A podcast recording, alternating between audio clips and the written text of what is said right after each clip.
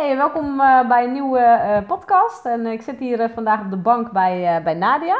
En eh, ja, Nadia, wil jij even vertellen ja, wie je bent en eh, wat je doet? Krijg ik in de camera. Ja, kijk maar gewoon even lekker in de camera. Ik ben eh, Nadia Lievaert. Ik ben schrijfcoach voor vrouwen die eh, hun verhaal willen delen, maar die eh, nog eigenlijk allerlei drempels en blokkades ervaren daarin.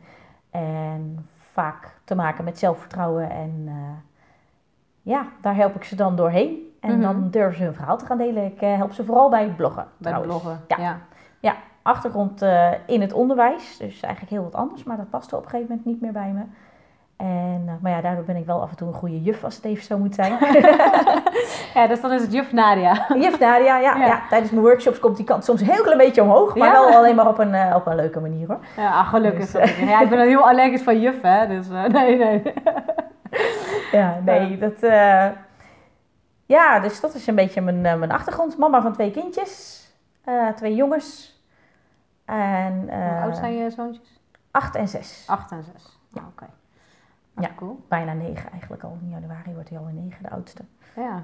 Dan is een hele leeftijd negen. Ja, ja, ja, zeker. Ja, dat is altijd een speciale leeftijd, zeggen ze. Hè? Van 9 en 10 zo, dat ze een beetje beginnen te beseffen van... eh, oh, eh, er is nog eh, meer op deze wereld. Ja, het schijnt dat ze dan zeg maar weer ook de, de, de buitenwereld en hun eigen binnenwereld meer gaan Ja. verbinden met elkaar. Ja, dat doet hij op zich al wel hoor. Ja, ja want hij is ook gevoelig, toch? De oudste Ja, of de jongste? Dat, de oudste sowieso, eh, ja, Ja. merken we wel dat hij wel, nou ja, dat het wel een heel sensitief, eh, sensitief mannetje is. eh, Ja. ja, ja, cool. Hey, jij bent zelf ook hooggevoelig, toch? klopt. Ja, en jij schrijft, jij schrijft ook wel heel over hooggevoeligheid, toch? Van Nieuwe Tijdskind en zo? Ik schrijf voor Nieuwe Tijdskind schrijf ik er soms wel over. De laatste tijd wat minder, maar Ja. ik heb er wel veel over geschreven inderdaad ook. eh, ja, ik schrijf eigenlijk over van alles wat me bezighoudt ja. daarvoor. En ja, ik heb ook wel veel geschreven over hooggevoeligheid en hoe je dat beïnvloedt als mens en ook als ondernemer. En Mhm. Ja, wat zo mijn inzichten zijn daarover. Ja, oké. Ja, het is wel grappig, want wij kennen elkaar eh, eigenlijk via Veronique, hè? Veronique Ja. Prins, onze coach. En ehm, eh, je hebt nou Monica, Monica Job als Monika. Job? Ja. Ja, ja, dat is wel grappig. Monica komt ook nog in de podcast, hè? Dus, eh, ja, dat is leuk. eh, dat wordt ook wel een hele gave. Ja, dat wordt ook een hele gave podcast. Ja, want jij zei van de week op Facebook of zo, hè, van oh, wanneer mag ik? En Ja. ik dacht zo, oh, dat is eigenlijk wel heel cool, weet je wel. Want ja, wij kennen elkaar natuurlijk van, ja, van de training. We hebben elkaar volgens mij één of twee keer gezien daar. Ja, één keer volgens mij eigenlijk maar. Ja, volgens mij ook, ja. Ja, en toen ja. daarna En nog toen hebben we daarna nog wel contact gehad, Ja. inderdaad. Eh, ja, omdat ik natuurlijk ook over hooggevoeligheid. En jij eh, eh, werkt ook bij de Nieuwe Tijdskind toch op de redactie, toch? Jij Ja, doet ook de... Klopt, klopt. Ja, en toen heb je volgens mij mij een keer geappt ook en zo. Van toen ik mijn eerste artikel... zo zijn we eigenlijk een beetje meer met elkaar... Ja, we hebben ook nog eventjes samen in de mastermind gezeten. Oh ja, ook nog, ja. Alleen die liep niet Ja, zo. nee, maar toen zijn we wel altijd een beetje blijven appen af en toe eens een keertje. Ja, ja. En ja, dat is eigenlijk wel, eh, wel grappig hoe we dan eh, ja, nu ineens eh, ja, bij elkaar op de bank zitten in de Ja. podcast. Hè? Ja. Dus ja, nee, ik heb ook eh, ja, nu best wel wat mensen die al, hè, net als Veronique Prins en Maartje Koper, allemaal mensen die al best wel wat hoger in de top. Dus ik krijg nu ook de vraag van, ja, pas ik dan wel in jouw podcast? En dan zeg ik altijd, ja, ik nodig gewoon alleen maar interessante mensen uit. En het maakt mij niet uit of je een miljoen verdient of dat je... Nog geen miljoen verdiend. nog geen miljoen verdient, weet je, dat is allemaal oké. Ik bedoel, we gaan allemaal naar die miljoen. Nee, Tuurlijk, tuurlijk, tuurlijk. tuurlijk. nee, dus dat is wel, ehm, ja, weet je, dat, dat, dat maakt ook eigenlijk allemaal niet, eh, niet uit. Dus, eh, hey, en ehm, ja, ik, ik had het net ook met je over, ik heb, eh, dat was een paar dagen terug, zag ik in de, in de Volkskrant, zag ik dat artikel over, eh, over hooggevoeligheid. En daar werd eigenlijk... ehm, eh, ja, gezegd dat we eh, heel erg over, over emotioneel. Is hooggevoeligheid echt of is het over emotioneel? Dat was een beetje de strekking eh, van het verhaal. Je had hem niet gelezen, zei je. Nee, nee, ik heb hem voorbij zien komen. Nee. toen dacht ik, nou ja, laat maar. Ja, ja, ik was er echt helemaal eh, over dat ik dacht, nou weet je, daar gaan we weer hoor. Eh, zo van is het een modeverschijnsel. En eh, eh, hoe kijk jij eh, tegen hooggevoeligheid aan? Want daar ben ik eigenlijk wel benieuwd naar. Ehm, ja, ik. ehm, ze zeggen wel eens dat bijvoorbeeld eh, dat, dat, dat er eigenlijk dat je, je hebt hoogsensitief en hooggevoelig, zeggen ze dan. En hoogsensitief zou zijn als je het al vanaf je geboorte hebt. En hooggevoelig als je het later in je leven. Ja, dat pas zo? hebt gekregen. Ja, dat, Oké. hebben, dat, Ja. dat zei een, een keertje iemand aan de hand van een artikel van mij. Mhm. Eh, Ik gebruik de termen ook door elkaar. Ja. ehm, omdat ik denk, ja, wat maakt dat nou eigenlijk uit? Ja. Wat maakt het nou uit of ik, of ik zeg maar als baby al hooggevoelig was? Of dat ik dat nu ben. Ik bedoel, ik Mm. merk nu dat ik het ben. En dat is eigenlijk vooral sinds mijn burn-out dat ik het merkte. Maar ja, ik bedoel, waardoor ben ik in die burn-out geraakt? Ja, precies. Heel lang geleden. Eh, dat is doordat ik veel te veel prikkels binnenkreeg en zo. En doordat ik gewoon dingen niet Ja. kon handelen, heel perfectionistisch was. Ehm, en ja, dus, dus daar... eh, dus voor mij maakt het eigenlijk ook niet meer uit hoe je het noemt. Nee. En ehm, ja, ik zie het vooral als, als een kracht. Hoewel ik wel ook merk dat het me soms ook wel beperkt in dingen. Want sommige, sommige dingen, ja, weet je. Heel simpel voorbeeldje. Laatst zei iemand, ik was een bepaalde film die ik wilde zien. Mhm. En toen zei er iemand, oh, ze dra- draaien ook allemaal marathons. En dan denk ik, ja, maar moet ik twee achter elkaar? En dat is zoveel lawaai en zoveel... Dat, ja, dat vind ik dan vaak al te veel. Ja, want jij hebt wel echt die prikkels, zeg maar. Dan heb jij echt dat je overprikkeld raakt, zeg maar. Als je te Ik, lang, eh, ik eh, overprikkel op, eh, op geluid en op sfeer. mhm, Dus ja, ja. Dus eh, als ik inderdaad een avondje film... mhm. bijvoorbeeld, dan kom ik heel vaak kom ik al heel erg moe thuis. Maar ook weer niet helemaal altijd hoor. Het ligt er ook een beetje, maar het ligt er ook bijvoorbeeld aan wie er al een beetje omheen zitten. Of ze heel dichtbij wat, Wat voor zitten. mensen en- je bent of zo. Ja, eh, ja, precies. En ik ga bijvoorbeeld heel graag naar concerten. Mhm. Maar dan heb ik altijd mijn man bij me en ik zeg vaak, mijn man is mijn rots. Dus die, eh, ik kan altijd lekker een beetje zo tegen zijn energie aanleunen voor mijn gevoel. Totdat ik dan zelf lekker kan gaan dansen Ja, en dan, wel- dan red ik me wel, mooi, zeg ja, maar. inderdaad. Ja, want eh, dat is wel, wel fijn. Dan heb je in ieder geval een soort stabiliteit, zeg maar. En dan Ja, je even, even tijdens eh, dat je daar bent ook even snel opladen of zo, zeg maar. Ja, Zodat je niet helemaal op bent. Ja. Ja. dat merk jij ook als je bijvoorbeeld, ja, ik heb dat heel erg als ik naar een, eh, een feestje ga of zo. Soms is het ook heel leuk, maar ik ben daarna ook wel echt moe. Dan moet ik wel echt gewoon, de dag daarna ben ik gewoon echt, dan denk ik, nou, even lekker slapen, weet je wel. volgens mij heb ik daar zelfs ook een keertje een art- artikel over geschreven. Van hooggevoeligheid eh, betekent keuzes maken. Dat je dan, tenminste voor mij wel, ik, ik, ik kan zoiets wel doen. Mhm. Eh, maar dan moet ik wel zorgen dat ik zeg maar de dag ervoor en de dag daarna niet al te veel op de planning heb staan. Ik kan niet Nee. achter elkaar door, door blijven gaan, zeg maar. Nee, ja, En- ik denk dat dat ook heel erg wisselend is als je, tenminste als ik naar mezelf kijk, ik denk dat dat heel erg eh, ligt aan wat voor mensen dat je om je heen hebt Ja, ook. ja. Want als ik inderdaad naar bepaalde events ga of zo, waar ik merk dat eh, bijvoorbeeld geen, eh, als ik merk dat ik met alleen maar hooggevoelige mensen ben, dan is het toch anders. Want dan op de andere, een of andere manier ja, begrijp je elkaar gewoon beter en heb je toch minder last van die energie of zo. Ik weet niet wat dat is, maar Ja, ik merk ook altijd, dat heb ik ook wel vaker gelezen, dat dat ook iets is van hooggevoeligheid. Dat als, als het zeg maar alleen maar over koetjes en kalfjes en ditjes en datjes gaat, Mhm. daar ga ik niet zo goed op, zeg nee, maar. nee, Dus als ik, als ik het, eh, als ik het, ja, als ik het moet hebben over wie er nou weer nieuwe tegels heeft voor zijn badkamer en ja, dat soort dingen. ik vandaag aan moet. eh, weet ja, dat, dat is niet mijn ding, zeg maar. Maar Nee. als ik gewoon echt een, een echt gesprek kan voeren met Mhm. iemand, dat vind ik gewoon veel interessanter. En daar loop ik dan ook minder op leeg, inderdaad. Dus het is inderdaad heel, heel afhankelijk ook van, van waar je bent. Maar ik bedoel, ben bijvoorbeeld ook een keertje op een event geweest. Dat was het event van Veronique. Nou, Mhm. echt super, super interessant. Mhm. Maar daar waren 150 vrouwen. Dus dat is kakel, kakel, kakel, kakel, kakel. Ja, dan ben je op een gegeven dan moment ben ik kapot. Ja. En Ja. toen reed ik terug en ik kon me nog net een beetje staande houden. Kreeg ik file. Nou, dan kom ik gewoon echt met dikke vette migraine kom ik thuis. Ja? Kan ik thuis gelijk naar bed. Ja. Dus dat, eh, dus ja, en dat, en dat ligt Dat dan niet dat aan de mensen die je om je... Het Nee. waren allemaal, allemaal hartstikke inspirerende vrouwen. Maar gewoon heel veel te veel voor mij. Ja.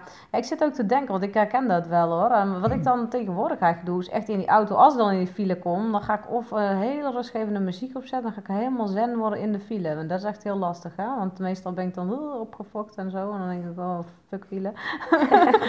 maar dan ga ik echt gewoon even helemaal tot mezelf komen of zo. En ik merk dat dat altijd eh, wel helpt, zodat het inderdaad niet net over de grens gaat of zo.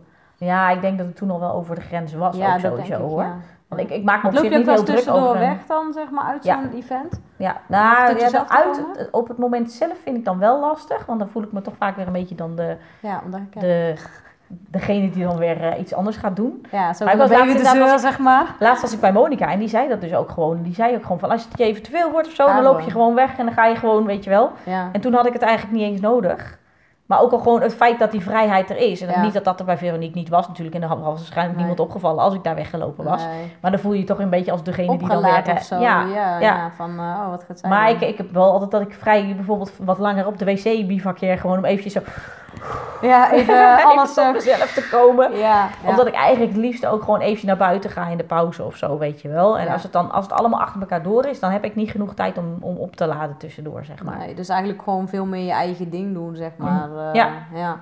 Ja, want het is ook wel zo, tenminste, dat is vaak, dat hooggevoelige mensen houden allemaal rekening met, eh, met de ander, weet je wel. En dan wil je eigenlijk wil je ergens wel bij blijven staan, want het is wel heel gezellig. Maar eigenlijk, eigenlijk kan je gewoon beter naar buiten gaan en even alleen zijn, weet je wel. Ja. Even, helemaal tot jezelf komen. En ehm, dat Ja. zou eigenlijk wel veel beter zijn. Ik, maar ik doe dat ook soms te weinig nog hoor. Dat Ik denk, oh weet je, het is zo gezellig allemaal.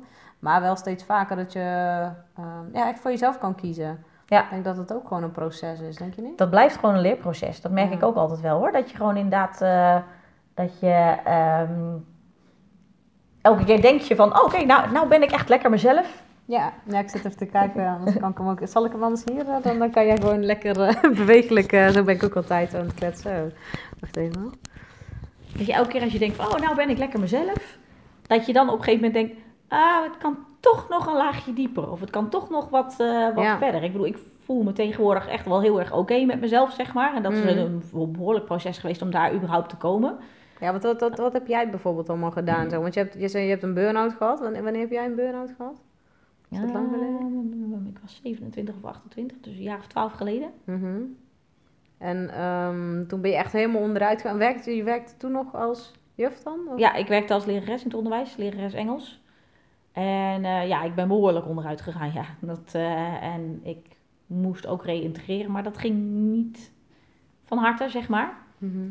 En eh, uiteindelijk ben ik daar dus ook toen gestopt met, met die baan. En toen ben ik bij mijn huidige man ingetrokken.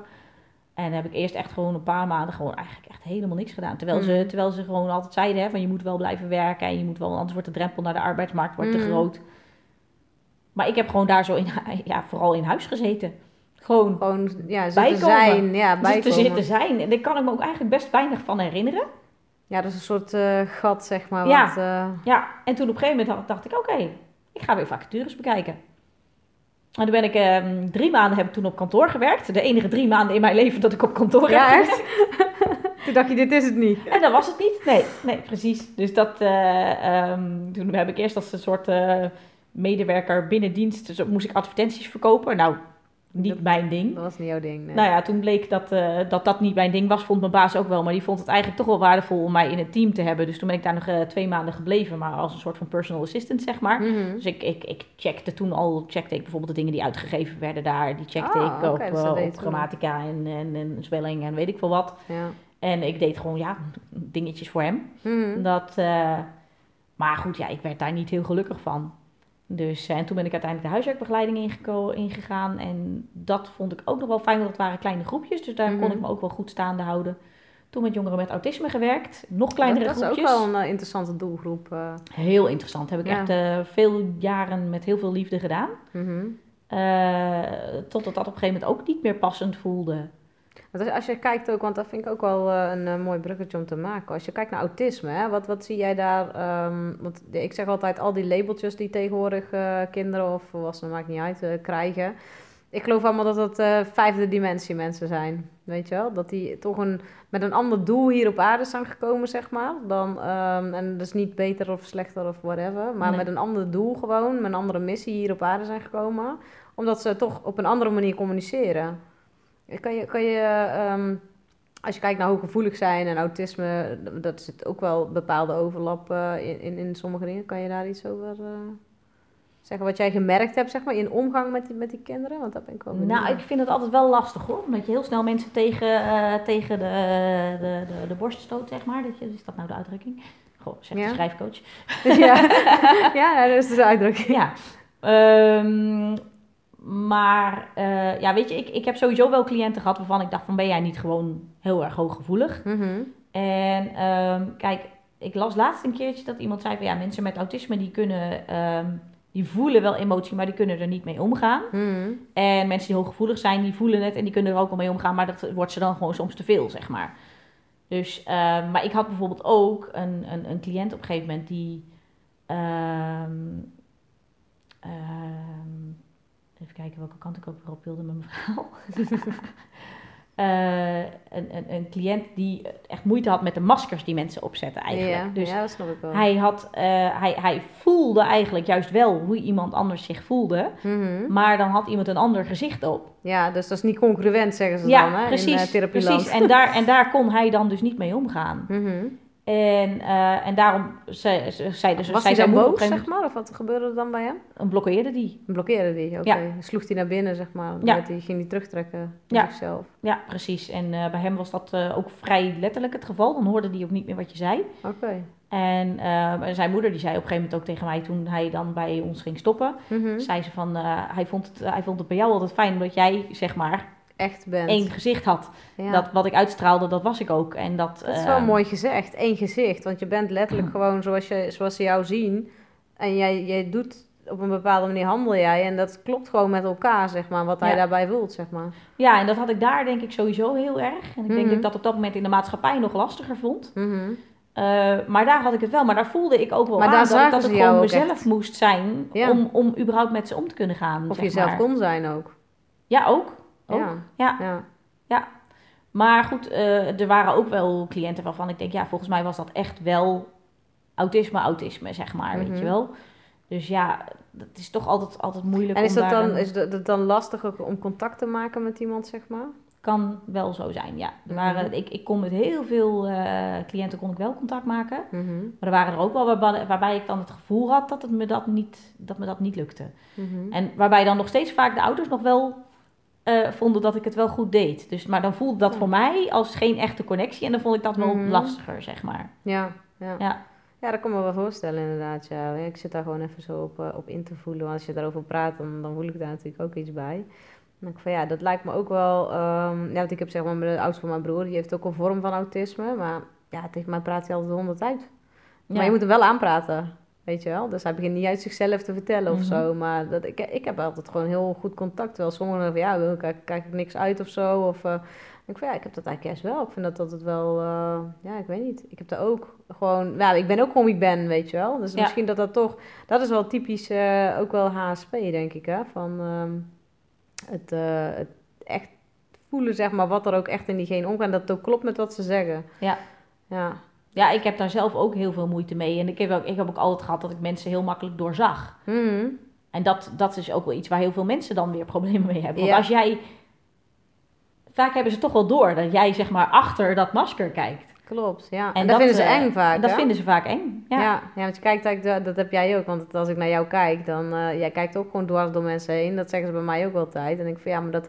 Het is ook gewoon zo. Je kijkt ook dwars. Ik kan echt gewoon in iemands ziel kijken, weet je. Ik zie wat er achter iemand zit. En, en wat ze dan zeggen of doen, dat maakt eigenlijk nog niet eens zoveel uit. En in het begin frustreerde mij dat ook altijd. Dat ik dacht van, weet je, als klein kindje al, van...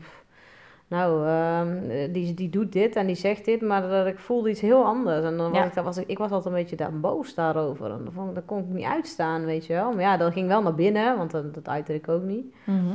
Dus ja, dat is, eh is dat herkenbaar? Heb jij dat ook zo? Of heb je dan zoiets van, nou, weet je, wat, wat, wat roept er bij jou voor gevoel op als mensen zo... eh, Ik denk dat ik er vroeger wel verward door kon raken, zeg maar. Dat ik dan gewoon Mhm. dacht, ja, hm, wat is het nou? ja, wat wil je nou? Ja.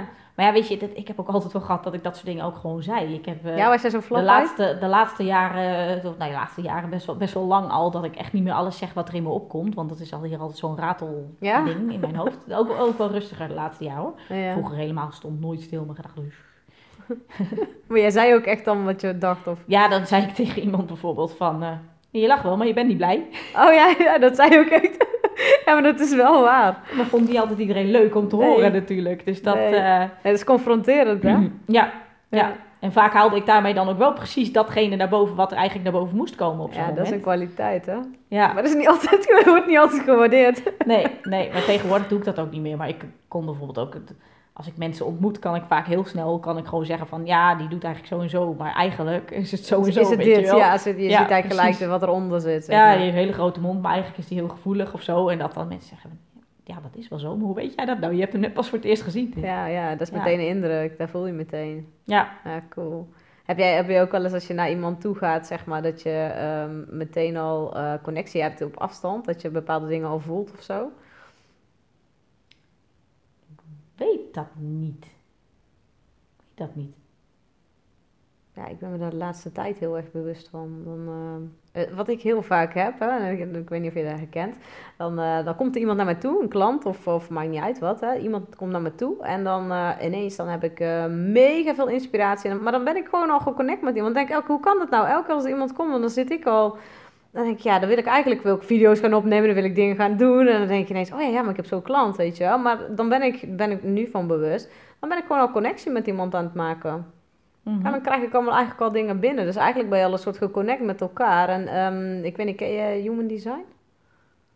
De term zegt de, wel dus de blauwdruk zeg maar, van je leven. Ja. En, dan heb je zeg maar, de bovenste twee punten in je hoofd, die zijn bij mij leeg. En als iemand die bijvoorbeeld gevuld heeft, dan kan het zijn dus dat ik die ideeën bijvoorbeeld binnenkrijg. Dat is echt heel cool. Het heeft natuurlijk ook te maken, je kan inpluggen op dezelfde eh, universum natuurlijk. En je kan ook, bij jou kan ineens hetzelfde doorkomen als bij mij. Dus dat we allebei over hetzelfde schrijven, dat soort dingen allemaal, weet je, dat heb, dat heb Mhm. je natuurlijk ook. Dus dat is ook wel, eh, ja, wel cool. Maar ja, ik vind dat wel, eh, wel grappig om te merken dat ik dat elke keer heb. En toen dacht ik, nou kan dat nou toch? Elke keer wil ik, wil ik iets schrijven of iets doen. Als het, dan, dan vond ik het eigenlijk bijna irritant dat iemand ook kwam. Weet je? Maar dat komt dus door diegene komt.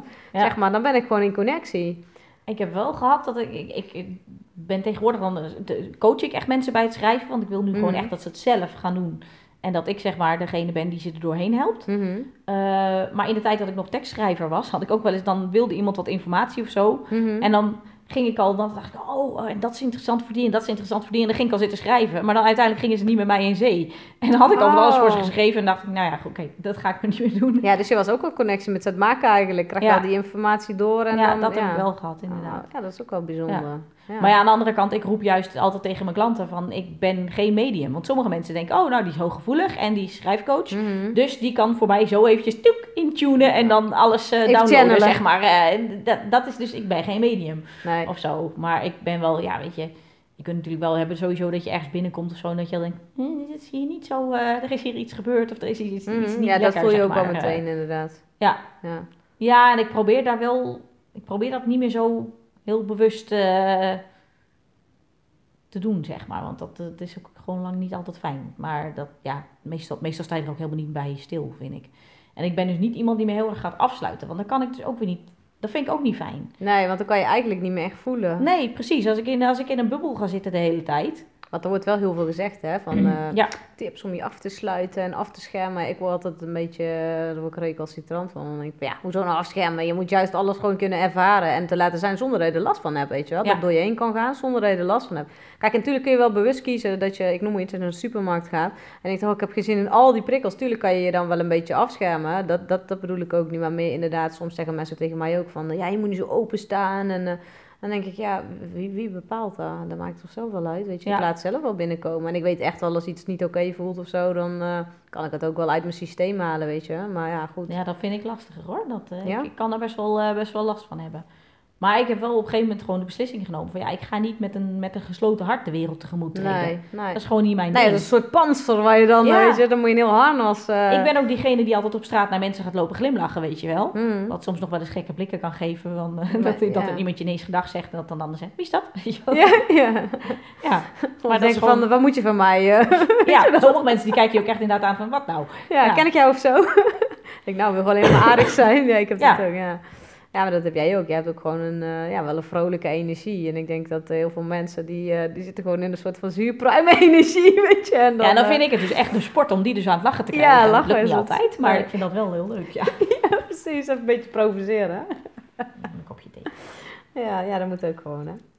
Nee, dus dat, dat vind ik wel, wel weer grappig. Ehm, en ik zit ook even te denken van, eh, oh ja, over het autisme hadden we het dan inderdaad. Want toen ben je, zeg maar, om weer even terug te pakken op je verhaal, je bent toen, zeg maar, daar eh, gestopt dan, omdat je, wa- waarvoor... eh, Nou, Je het ehm, niet meer er was toen ook die hele transitie van de zorg, zeg maar, naar de Mhm. gemeentes. En de afdeling ging ook helemaal veranderen. Mhm. En ehm, ja, dus er was eigenlijk van alles waardoor het gewoon minder goed liep. En uiteindelijk is die hele afdeling ook, eh, ook, ook veranderd, opgedoekt, zeg maar. En Mhm. mijn functie was er ook gewoon niet meer. Maar dat kwam eigenlijk voor mij ook wel gewoon op een mooi moment, omdat ik veel meer je was omdat ik klaar. voelde dat ik, dat ik dit wilde gaan doen. Mhm. Dat, dat schrijven, zeg maar, wat ja. je... Ja, want ik schrijf eigenlijk al mijn hele leven. En vroeger deed ik het al als kind om van alles van me af te schrijven. En zo Mhm. maakte ik gedichtjes en weet ik veel wat. Als de wereld Oh, dan een beetje te hard bij me binnenkwam, Mhm. dan, eh, dan ging ik schrijven.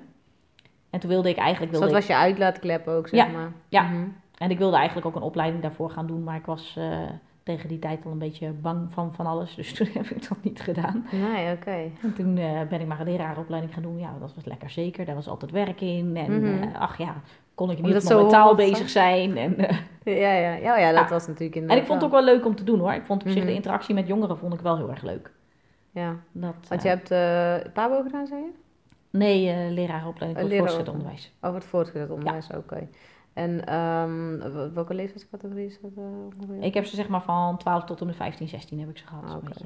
Ja, en dat vond je wel echt heel leuk om te doen. Alleen Ja, je had dat op vond, ik, dat vond heel leuk. Ja. merkte je wel van, ik wil te wringt iets, ik wil toch meer of zo, of ik wil iets anders, of wat, wat was het dan? Wat, Nou ja, daar heb ik mijn burn-out op gelopen. Dus toen eh, was ik er daar eigenlijk ook wel klaar mee. Maar toen, toen was, was ik me ook ineens bewust van hoe veel prikkels er ook zijn op zo'n school. Wat Ja, dat eigenlijk waar ik. ik al die jaren me doorheen geploegd heb, zeg maar. Ja, Maar ik vond het bijvoorbeeld ook vreselijk om in de pauzes dan naar de, naar de lerarenkamer te lopen. Want ik zat helemaal in een uithoek van het gebouw. En dan moest ik echt tussen al die leerlingen door. En dan moest ik een plein over en dan weer tussen de leerlingen door. En ik ben niet zo groot. Mhm. Dus ik verdween helemaal tussen de leerlingen. En niemand had door dat ik daar überhaupt liep. Eh, Oh, zo ja, ja. als je er nou nog bovenuit torent, dan gaan ze misschien nog eens voor je aan de kant. Maar eh, voor mij... eh, nee, dus dat... ja, en het- ik vond het ook gewoon echt een hele stressvolle baan. Mhm. En als je dan ook nog eens behoorlijk Het lijkt me best wel een, best wel een eh, grote verantwoording, toch? Voor zo'n kinderen allemaal. eh, om, ja, je wil ze toch iets bijbrengen. En eh, Ja. ze zitten best wel in een, nou ja, wat denk ik wel een lastige periode in hun leven. Want ze zijn aan het puberen. Ja. Dus ze zitten van alles in zichzelf aan het ontdekken. En En het was ook regelmatig dat ze mijn les uitkozen om uit de bocht te vliegen, zeg maar. Ja, Want, echt? ja, dat, dan was er weer iets en dan eh, was, het, was dat weer in mijn les, kwam dat dan juist weer naar voren. Ja, dat is toch denk ik wel eh, ja, wat, wat was dat dan? Kun je een voorbeeld noemen? Was dat een, dat ze een een, een, een, meisje bijvoorbeeld die, eh, die een briefje had geschreven dat ze zelfmoord wilde plegen en dat ze naar de trein ging en zo. En dat was natuurlijk in mijn les kwam dat naar voren allemaal. Zo, dat is wel heftig. Dus nou ja, toen allerlei acties ondernomen. Mhm. ja, dat, dat, dat soort nam, je dat soort dingen dan ook mee naar huis? Maar ik kan me wel voorstellen dat het best wel heftig is als je zoiets eh, Ja. in je klas hebt. Ja, in het Begin, zeker in het begin wel. Ik Mhm. heb bijvoorbeeld ook op een gegeven moment een keertje een meisje gehad die, eh, die zichzelf sneed. Mhm. Dat vond ik ook, dat was ook een mentorleerling voor mij. Dat vond ik ontzettend lastig. Omdat je daar dus, daar was ik heel erg mee bezig. Ja. Om daar, eh, om, om, te kijken wat ik dan voor haar kon doen. En ik Mhm. was dus ook al, inderdaad altijd die, eh, die mentor die, die, eh, die altijd nog alle GGZ-lijsten zat in te vullen. En Oh, ja. we probeerden zoveel mogelijk hulp te, te regelen. En ja, die daar ook echt, eh, echt, eh, echt wel heel erg mee bezig was dan. Om te proberen Mhm. dat op te lossen. Maar je kunt zoiets natuurlijk ook niet oplossen. Nee, nee je kan het wel signaleren inderdaad. En Ja. ja, en, ja er voor iemand zijn, dat is al heel eh, belangrijk, denk ik. Ja, en weet je, later kwam ik er ook achter dat het ook iets was wat heel erg in die tijd gewoon heel erg speelde. Wat heel veel, wat heel veel meisjes vooral deden toen. Echt waar? Ja, dat was toen wel, ja, ook ja, misschien een soort modeverschijnsel of zo. Dus weet je, als je het dan later weer meer te- tegenkomt, dan, dan gaat het je ook wel minder raken. Omdat je denkt, oh ja, maar weet je, dat, in eerste instantie is het natuurlijk ontzettend shocking als iemand in zichzelf snijdt. Ik wou het zeggen, want ja, dan, dan denk je echt van oké, weet je, is het... ehm, ja, wa- wat is het dan? Dan is er wel meer aan de hand. Je kan niet zomaar jezelf snijden Nee, natuurlijk. nee, Dat is wel nee het schijnt een soort mechanisme te zijn, hè, om, om andere om dingen te niet voelen. te voelen. Ja, of om juist te, te- te- wel te voelen. In- Inderdaad, ja, om ja, die pijn om, te, om de- niet te voelen. met ja. de pijnprikkel de andere dingen weg te... Ja, ja. Ja.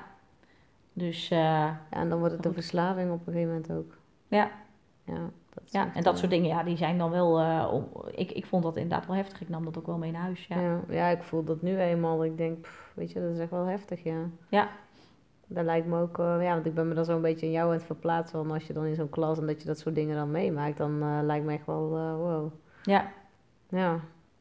Ja, ja, ik weet wel, ik had ook ooit een, ehm, een lerares die, ik had toen ook best wel moeilijk, weet je wel, in, ja, ook die periode, zeg maar, dat was denk ik een jaar of veertien, maar had ik ook zo'n mentor die ook echt wel, ja, ik had heel veel shit thuis, weet je wel, dus, eh, dus zij was er ook echt voor mij. En alleen al dat zij luisterde, dat was zo fijn, weet je wel, dan hoefde ik verder eigenlijk nog niet per se, maar gewoon dat iemand je ziet en je hoort, weet je wel, Ja. dat is gewoon heel belangrijk. En het is natuurlijk wel eh, lastig als je dan eh, ja, het niet goed los kan laten. Maar denk je ook dat dat dan met hooggevoeligheid te maken heeft, omdat je zo heel erg kan inleven in iemand? Of?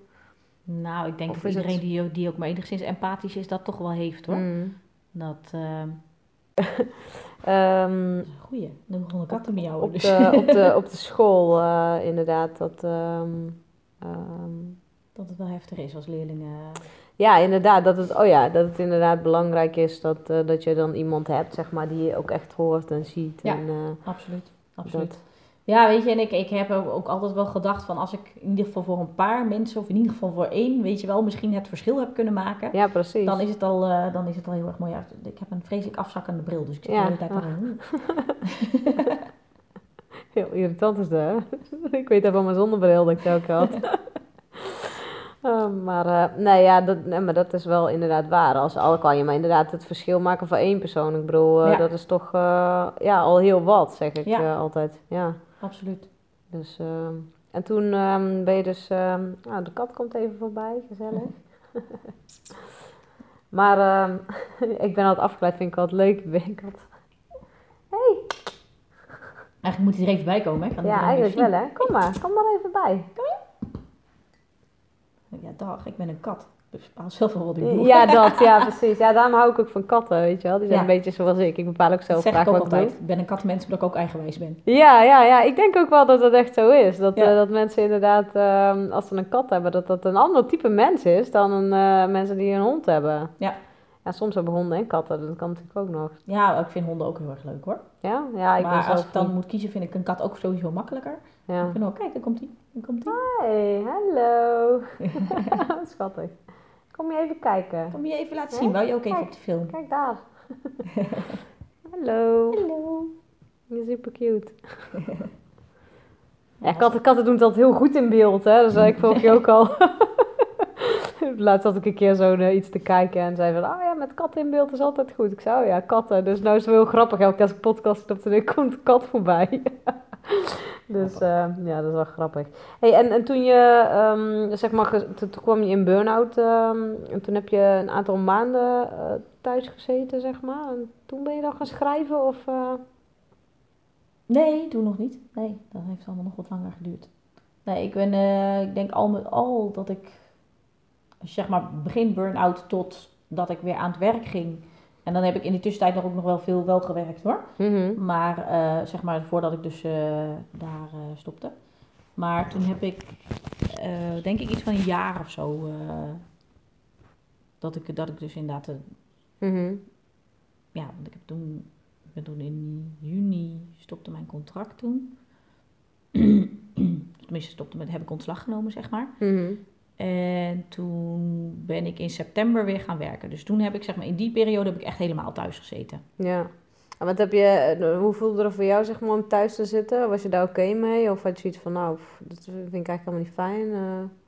Ik geloof dat ik er best redelijk oké mee was. Wat ik aan de ene kant ook alweer vreemd vond van mezelf. Omdat ik dus Mhm. op dat moment eigenlijk gewoon... Ja, ik heb dan nog wel... Ik, mijn salaris liep nog eventjes door. Mhm. Ja, er zat een Dus, soort eh, buffer nog, zeg ja, er was nog een soort buffer. Mhm. Dus, eh, dus ik, ik hoefde ook niet helemaal op mijn, eh, op mijn toenmalige vriend dan, nu man, eh, zijn zak te teren. Maar het voelde aan de ene kant ook alweer een beetje vreemd dat ik dat dan wel deed. Weet je wel, ik, ik woonde in zijn huis en ik. Nee, inmiddels was ik bij hem ingetrokken. En dus dat, maar verder op zich, zeg maar, om het gewoon thuis te zijn. Ja, weet je, ik ben altijd wel Mm. een redelijke.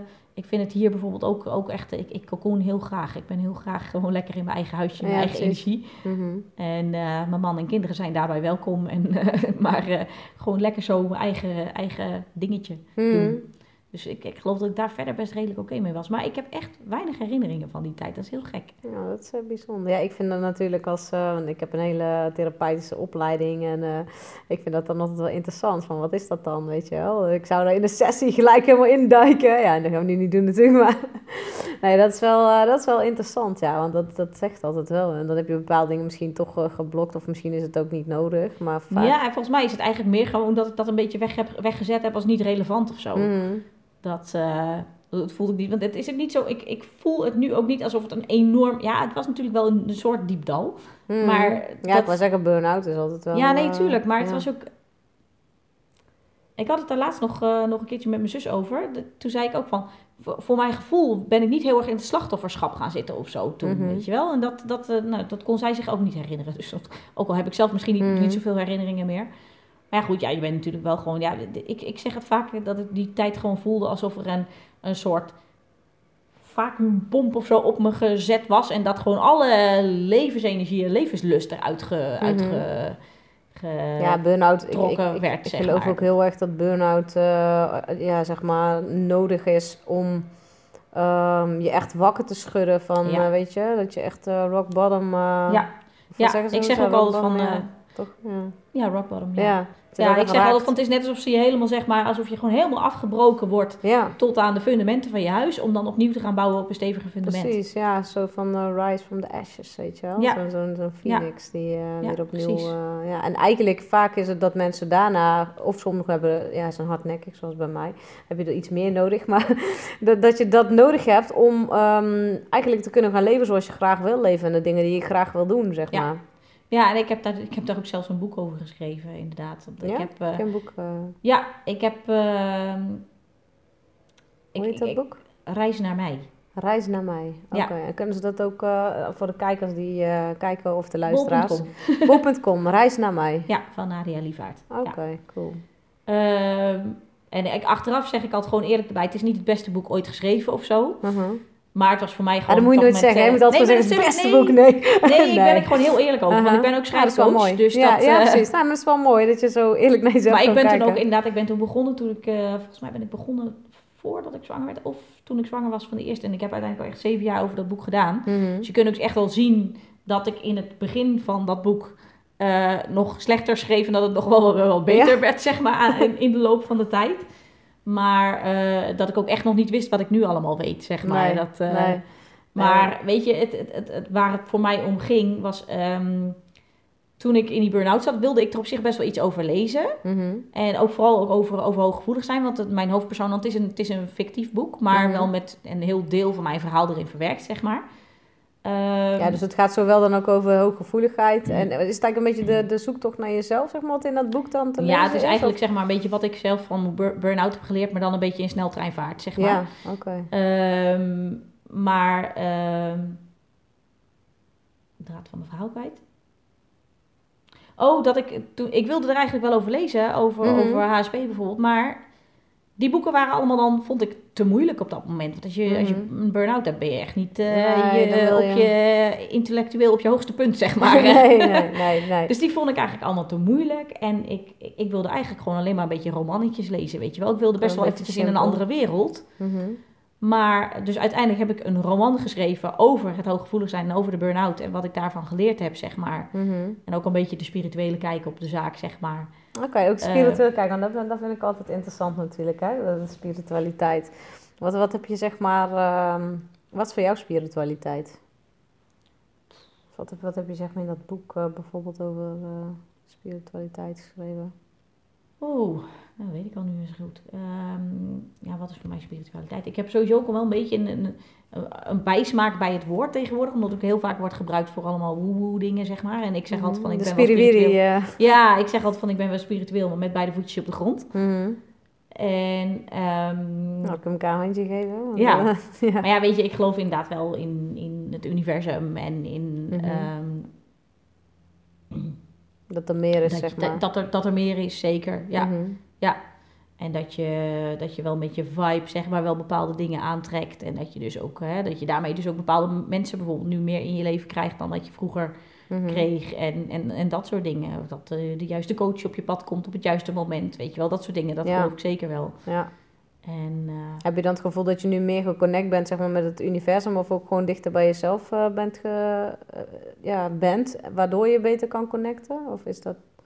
ja, vooral denk ik dichter bij mezelf. Ja. Mhm. Ja. Waardoor het ook gewoon, ja, eigenlijk, ik zie het ook zo, dan opent dat ineens of zo, weet je wel? Waardoor je ook andere dingen kan ontvangen weer. Want ik denk als, als kind dat je ehm, allemaal gewoon in verbinding staat met het universum, maar dat je dat gewoon een beetje verleert, omdat het er allemaal Ja. niet mag zijn. Want het is natuurlijk allemaal uh, spiriwiri en eh, daar willen we het allemaal niet over hebben. Want we moeten vooral niet praten over dingen die, eh, die we niet echt fysiek kunnen zien of zo, weet je wel? Dat is allemaal Nou ja, wel goed, ik had het geluk dat ik een hele spirituele moeder had. Ja, oh, dat scheelt inderdaad. Dus dat, ja. ja. Dat, maar ook wel inderdaad wel met beide voetjes op de grond ook hoor. Mhm. Dat wel. Dus dat is eigenlijk wel wat Ja, die huis niet weg, zeg heb. Nee, nee. Nee, maar dat is wel wat, wat ik van huis uit meegekregen heb eigenlijk. Dat zij, zij is zich ook altijd gewoon blijven ontwikkelen. Mhm. En eh, ja, ze nam ons daarin ook gewoon mee, weet je wel. wel En wij hebben ook altijd, ook altijd thuis mogen geloven wat wij wilden geloven, weet je wel. Mhm. Dus eh, Ja, dat is best vrij, toch? ja, Ja. ja, dat is wel mooi. Dat, wij hoefden ook echt niet naar de kerk of zo. Nou goed, dat deden ze dat zelf ook niet.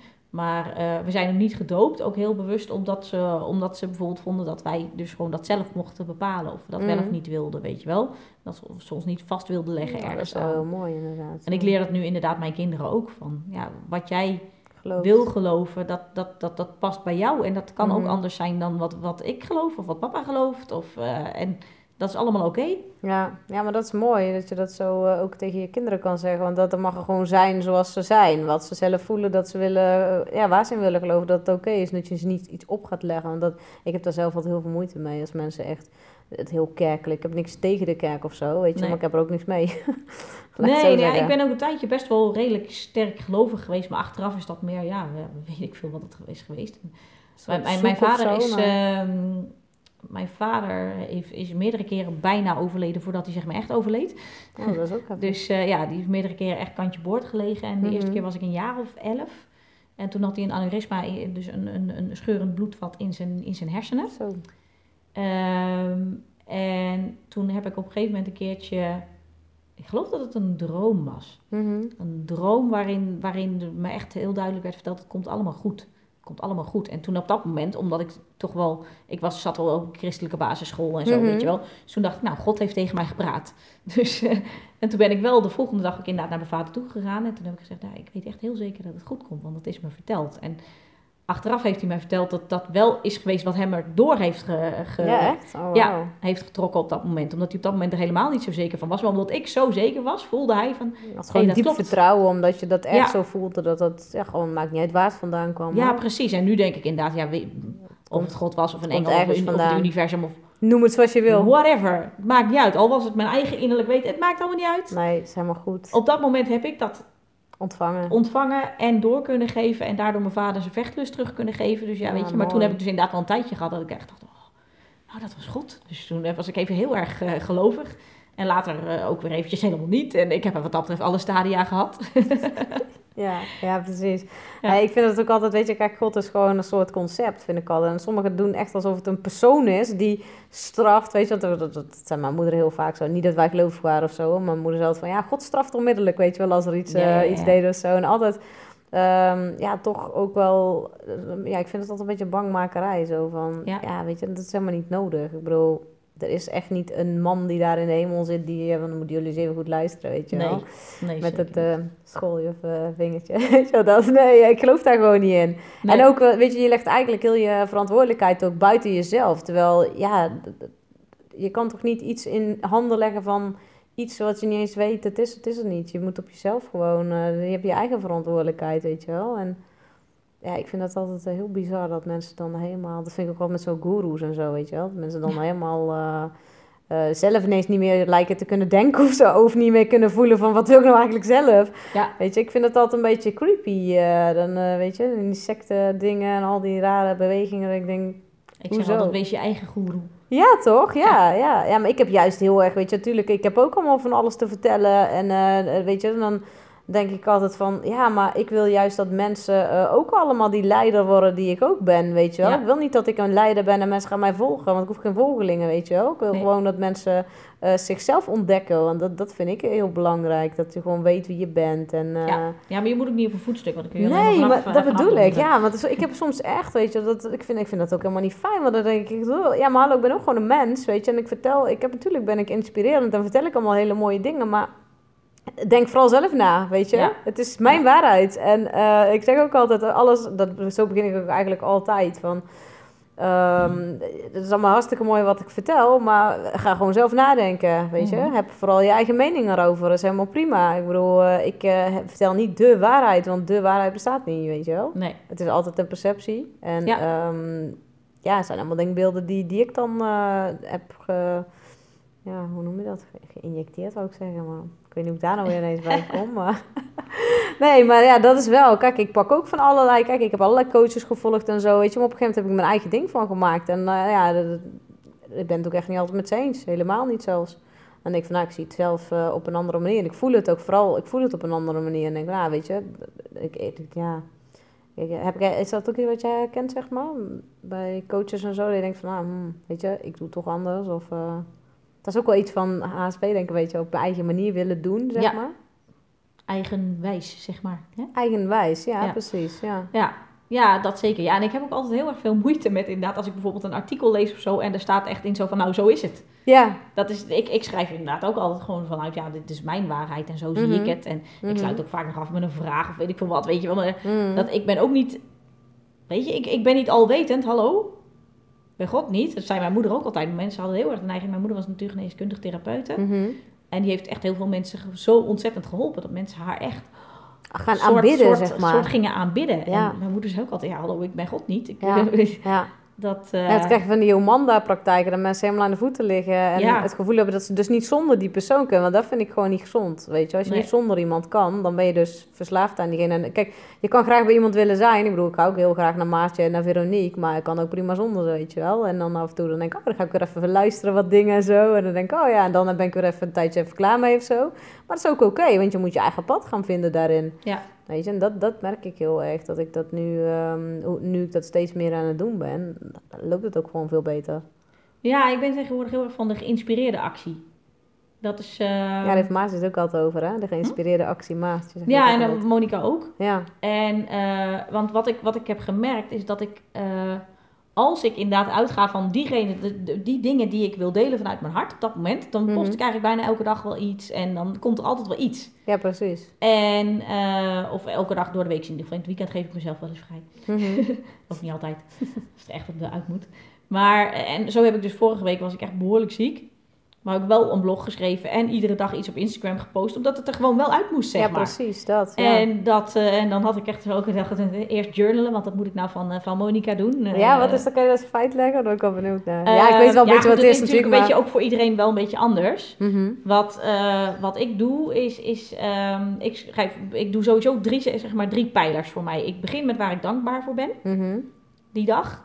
Want dan begin je gewoon gelijk al van, oké, nou Ja. misschien is het best wel ochtend en ik ben geen ochtendmens. Nee, ja. Maar er is toch altijd wel iets om dankbaar voor te zijn. En tegenwoordig zijn mijn kinderen bijvoorbeeld een stuk zelfstandiger ochtends. Dus dat is wel heel erg fijn. Oh, ja, En dat ik ik. niet elke dag te laat op school aankom hollen en zo. Nou, dus het is, is elke dag wel iets, sowieso. Dus ik begin met minimaal drie dingen waar ik dankbaar voor ben. Meestal zijn dat er meer. Dan zet ik mijn intentie voor die dag. Dus dan, en bovenaan staat altijd genieten. Oh, heerlijk. Ja, Ja. Ik heb er ook zelfs verschillende kleuren pennetjes voor. Nou, Ja, rood- echt? Ik doe de dankbaarheid doe ik in het rood, want dat is eh, de kleur van liefde. Mhm. De intentie doe ik nou in het goud, omdat, ik dan, omdat mijn intentie iedere dag is om een gouden dag te hebben. Wauw, dat is echt cool. Ja, en dan kies ik nog een sterke kleur om dan nog eh, allerlei statements op te schrijven, zeg maar. Mhm. Dus vooral ik ben statements. Ja, Ehm, I am.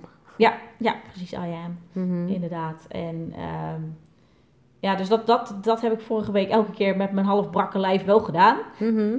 En dan deed ik even, even iets van, een, van wat ik dan op dat moment kwijt wilde, zeg maar op Instagram of zo. Vooral, ik doe, zit veel op Instagram tegenwoordig. Ja, oké. En ehm, Instagram en Facebook zijn eigenlijk de twee dingen die ik nu heb gekozen om de laatste tijd eh, veel dingen op te posten. Mhm.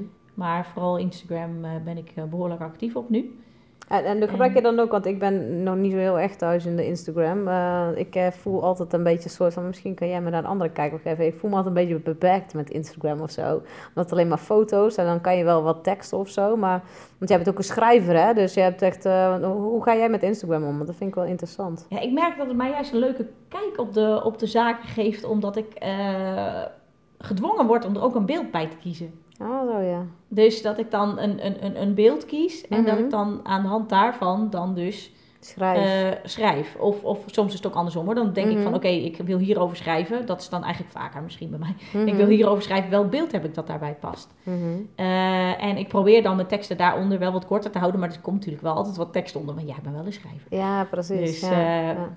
Maar ehm, ja, dus daar, ik vind dat dus juist leuk. Omdat ik dus juist zelf heel erg van de woorden ben. Vind ik het heel leuk om dus ook eens te kijken juist van welk beeld past daar nou bij. Ja, ja. ja, ik vind die combi wel heel mooi. Maar ik, Ja. ja, ik doe dat natuurlijk op Facebook wel gewoon. En op LinkedIn ben ik heel actief. Ehm zit je ook op LinkedIn? Ben je daar actief of niet zo heel LinkedIn erg? eigenlijk helemaal niet meer de laatste tijd. Omdat, Nee. eh, Wat heb jij voor gevoel bij LinkedIn? Want dat vind ik ook wel interessant. nou, ik heb altijd het idee dat dat echt zeg maar de hele zakelijke kant is. En dat, ik, Mhm. dat, dat zijn niet meer mijn ideale klanten Mhm. op dit moment. Want ik wil nu, is sowieso... Eerst werkte ik altijd met coaches en therapeuten, eigenlijk altijd met ondernemers. Mhm. En nu heb ik zoiets, ja, maar weet je, als er bij mij een particulier nu komt die zegt van ja, maar ik wil heel graag mijn verhaal gaan delen, ik wil heel graag bloggen over dingen Ja. die ik heb meegemaakt bijvoorbeeld. Maar dan wel vanuit kracht, hè? want ik ben wel van vanuit kracht. Ik Ja, ga ja, geen slachtofferverhaal ophangen, dan moet je erbij zijn. Nee, nee, nee, nee, wel gewoon Maar als, mensen je, als jij hebben. mensen wil laten zien hoe jij ergens sterker uit bent gekomen Mhm. of zo, en je bent dan geen. Want je kan natuurlijk ook een ervaringsdeskundige coach zijn, hè? Dat Ja, is best wel vaak ook, dat trek ik Mhm. best wel aan. Mhm. Maar eh, als jij gewoon een particulier bent en je denkt, ja, maar ik wil heel graag mijn verhaal gaan delen. Want als ik bijvoorbeeld stel, eh, ik ben een particulier en ik wil een boek schrijven, dan kan ik dan ook bij jou terecht. eh, boeken ben ik nog niet zo Nee? van. Nee.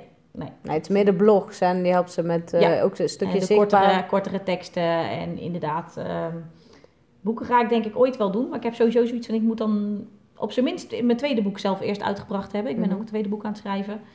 Om Kan, kan je een tipje van de sluier geven waar je boek over gaat? Of ben je gaat daar zelf weer over een hooggevoelige vrouw. Het is Mhm. weer gewoon een roman. Mhm. Eh, dit is een hooggevoelige vrouw die zelfs af en toe twijfelt of ze geen autisme heeft. Mhm. Maar ze heeft zich niet laten testen, want Oh, dat dat vond ze te confronterend eigenlijk. Ehm, en ja, eigenlijk komt ze zichzelf in het boek heel erg tegen. En moet ze leren. Geef ik dan te veel weg? moet ze bepaalde dingen van zichzelf leren accepteren, zeg maar, om echt Mhm. gewoon Verder de weg in haar leven weer te vinden. En dat heeft ook echt zelfs, zelfs invloed op de huwelijk en op. Oh, wauw. eh, ja, dus, eh, eh, ja, dat, klinkt, dat klinkt wel interessant, ja.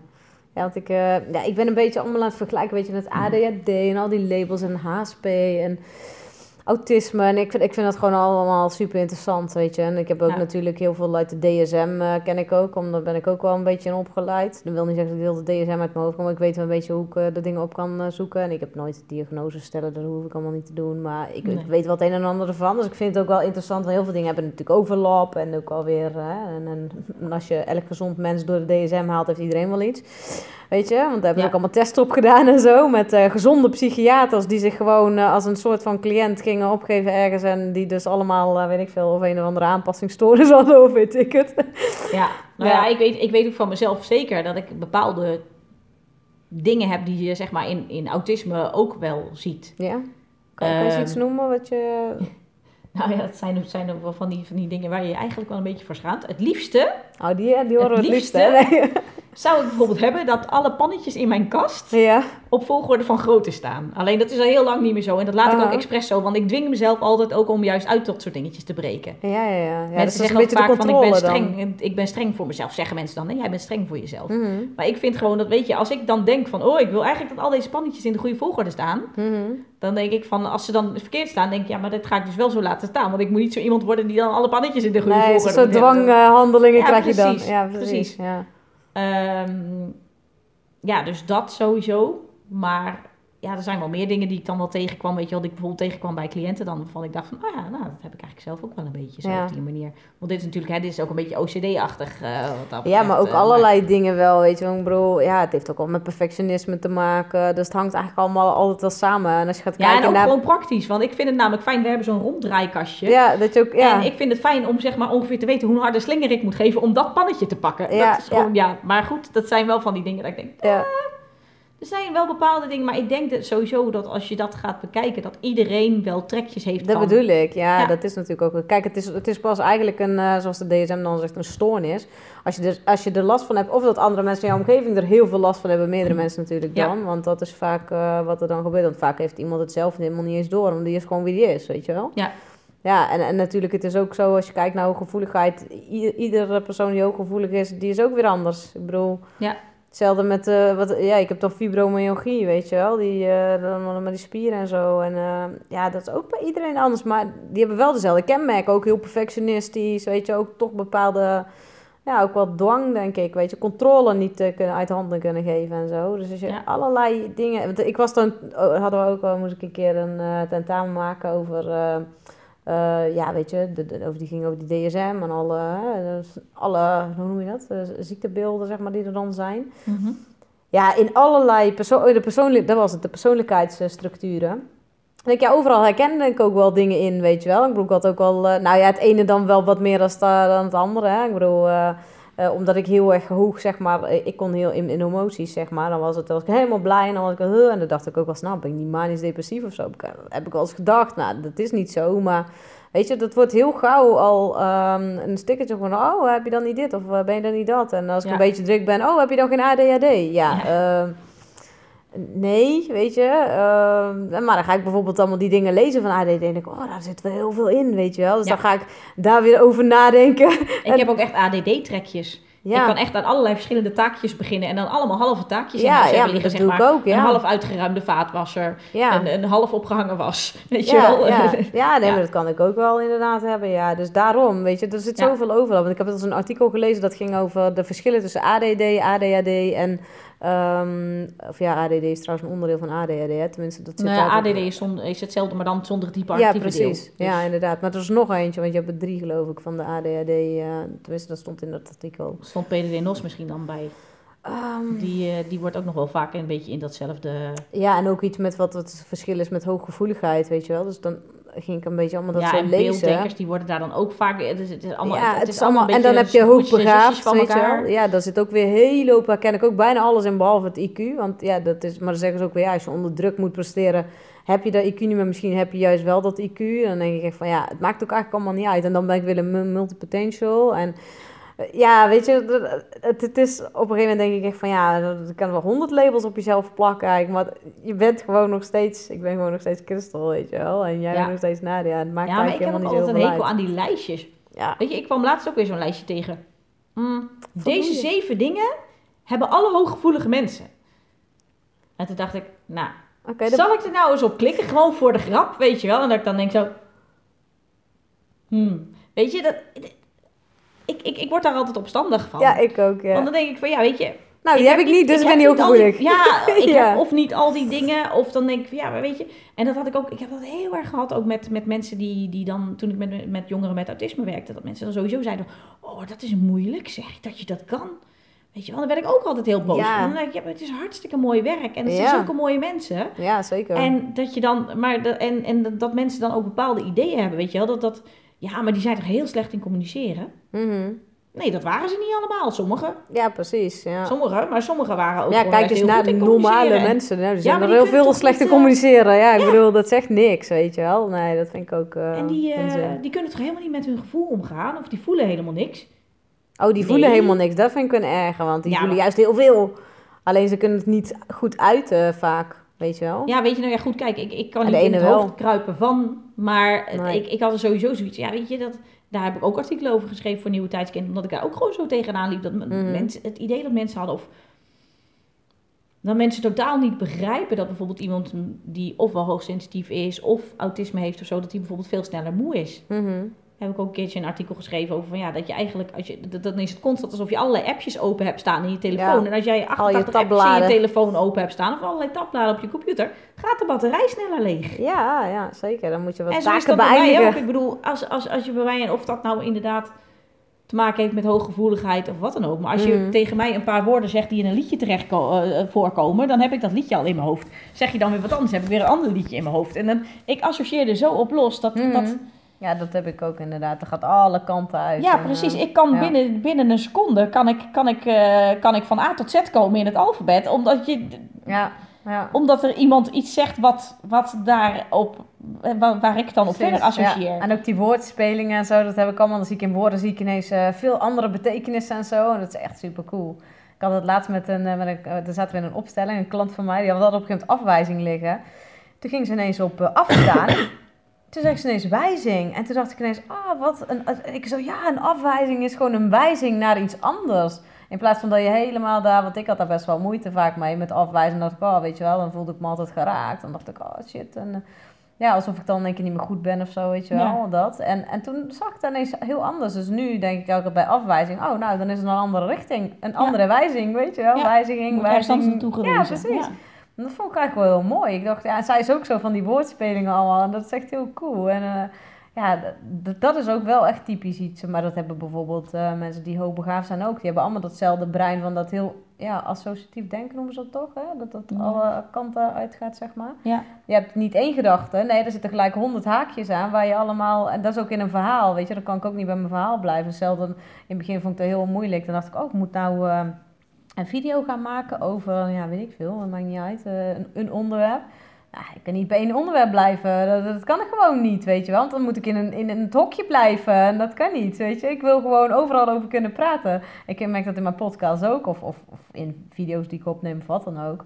Ik alle kanten uit, ja. En het is gewoon helemaal prima. Eh, Als mensen dat bij mij doen, heb ik daar ook nooit moeite mee. Omdat ik hetzelfde in elkaar zit. Ja. Dus ik denk ook dat als je mensen ontmoet die ook zo zijn, dat het ook helemaal niet uitmaakt. Mensen zeggen ook wel als ze zo heel... eh, ze zeggen dan, ja, dan praat ik allemaal zo warrig. En ehm, dan zeg ik, nou, je kan je gewoon prima volgen. Dan zeg ik dan, weet je wel. Oh, oh, ja, ja, mensen zeggen altijd dat het zo warrig is. Dan zeg ik, nee, helemaal niet zo.